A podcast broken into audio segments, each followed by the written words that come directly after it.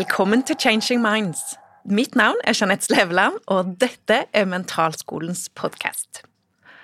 Har du tenkt på hvor ofte du blir overtalt eller overtaler andre? Bevisst eller ubevisst? De fleste jeg snakker med, har et negativt inntrykk eller tanke om overtalelse.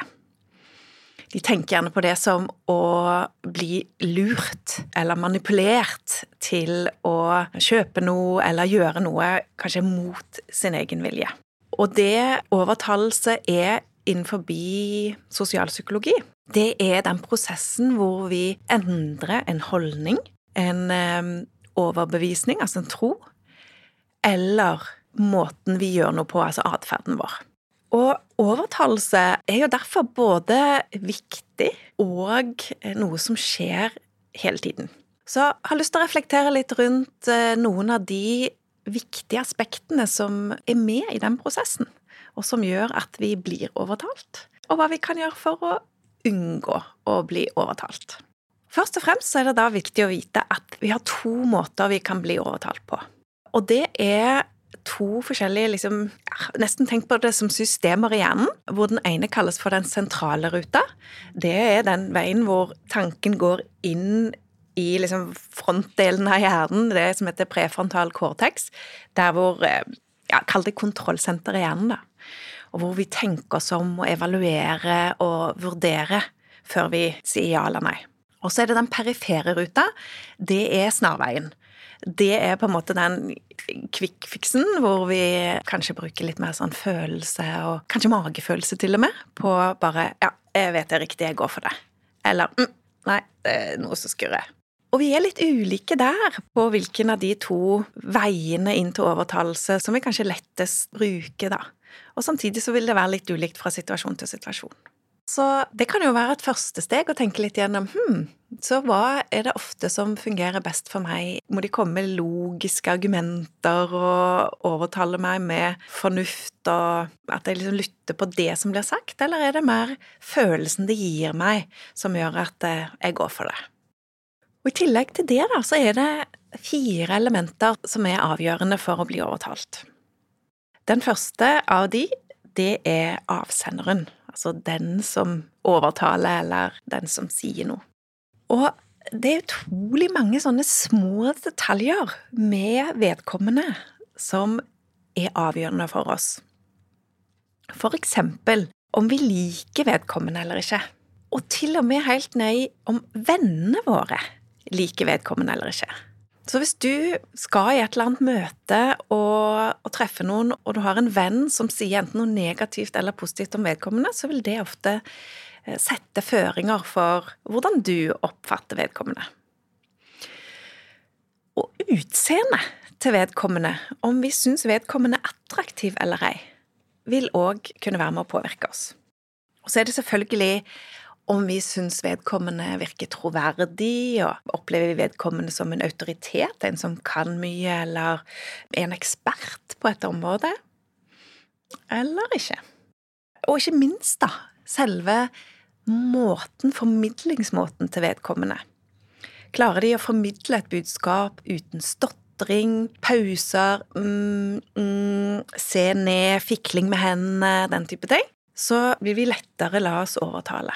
Når de står stødig, ser deg i øynene, snakker med tydelig språk. Og da er vi over på neste allerede viktige aspekt her. Det ene er altså den som sier det, og det neste er selve budskapet. Altså hva er det vedkommende vil overtale deg om? Og da er det jo det som blir sagt som er viktig, altså innholdet i det, og om vedkommende treffer deg gjennom logikk eller følelser. Og så er det òg sånn at hvis vedkommende klarer å få deg til å føle deg bra, altså skape gode følelser i deg, så lar vi oss lettere overtale. Så hva gjør butikkene for å overtale oss på den måten? Jo, de setter bare kanskje på litt eh, god musikk, sånn at du kommer inn og bare 'Å, den sangen liker jeg', og så setter det deg i en god stemning. Kanskje de har noe som lukter godt eh, der òg, og så bare 'Å, så deilig'. Og så lar vi oss lettere overtale til å kjøpe. Og så er det òg faktisk sånn at frykt kan påvirke oss. Men ikke hvis de trigger bare frykt. Altså sånn at vi bare blir redde. Da blir vi gjerne paralysert. Men hvis de klarer å vekke frykt i oss, og vise oss en løsning, så vil vi ofte bli mer overbevist. Eksempel hvis eh, de har hatt noen kampanjer da, hvor de har, skal oppfordre kvinner til å ta mammografi. Og hvis de da kommer med argumenter med fordelene med å ta mammografi, du kan redde liv, så er det ikke så mange som eh, går på kampanjen, eller som, som faktisk gjør det. Men hvis man da skaper frykt Altså, du kan dø hvis ikke du gjør det. Løsningen er kom og ta mammografi. Så ville flere gjøre det. Og så er det hvis det er da Tenk på en eh, ja, politisk eh, debatt, for eksempel, eller om du, om du skal rundt og se på ulike partier og bestemme deg for hvilket parti du skal stemme på, så vil det òg være avgjørende hvem du snakker med først og sist, eller i midten. Vil du gjette hvilken som kanskje har størst effekt, hvilken det lønner seg å være hvis du skal overbevise noen andre om noe? Da vil det nemlig være lurt å være først, hvis alle kommer rett etter hverandre. Men hvis det da er sånn at den som eh, At den siste har et liksom Det går litt tid før en avgjørelse skal tas, så lønner det seg å være sist. I tillegg til disse to, så er jo formen på budskapet viktig. Og det betyr altså hvordan blir budskapet gitt? Hvordan hører vi eller ser vi eller får vi budskapet servert? Og da, sånn som det er i dag, så vet vi jo at eh, videoer fungerer ofte godt på sosiale medier. Hvem vi skal treffe, vil være viktig. Altså mottakeren, men den kommer jeg litt tilbake til. Men om vi klarer å engasjere eller aktivere den som skal ta imot budskapet, er viktig. Og om budskapet er lett å, lett å huske, så er det litt sånn klang, fart, rytme i, i det vi sier. Tenk på reklamekampanjer som du husker, og ordene som er i de. Ofte lett å huske. Det enkle ofte det beste. Just do it. Gillette, the best a man can get. Altså, det er liksom sånne ting som gjerne fenger, som, som vi da husker lett, og som òg gjerne blir gjentatt mange ganger. Da blir vi påvirka. Og så er det sånn at hvis eh, budskapet er enkelt. Så lønner det seg å gjøre det gjennom video. Men hvis det er litt vanskelig, hvis det er litt sånn omfattende og, og avansert, så lønner det seg å skrive.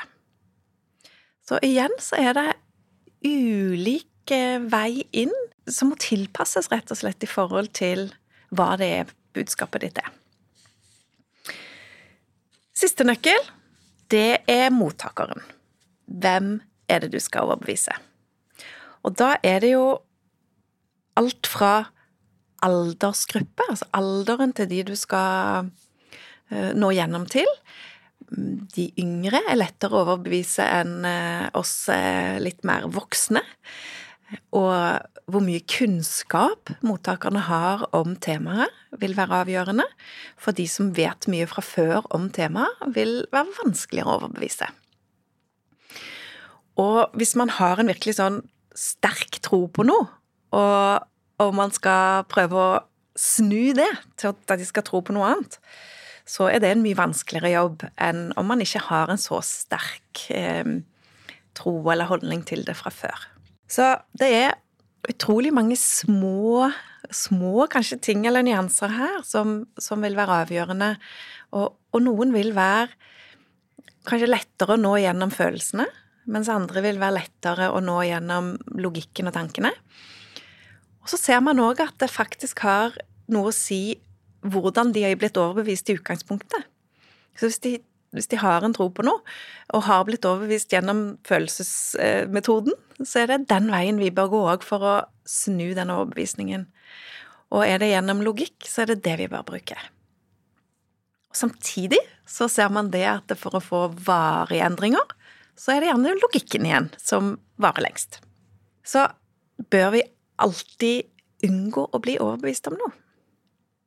Hvis du tenker tilbake på helt fra du var barn Hvor mange ganger tror du at du har endra en tro, en holdning eller en atferd? Ganske mange, vil jeg gjette på. Og heldigvis for det.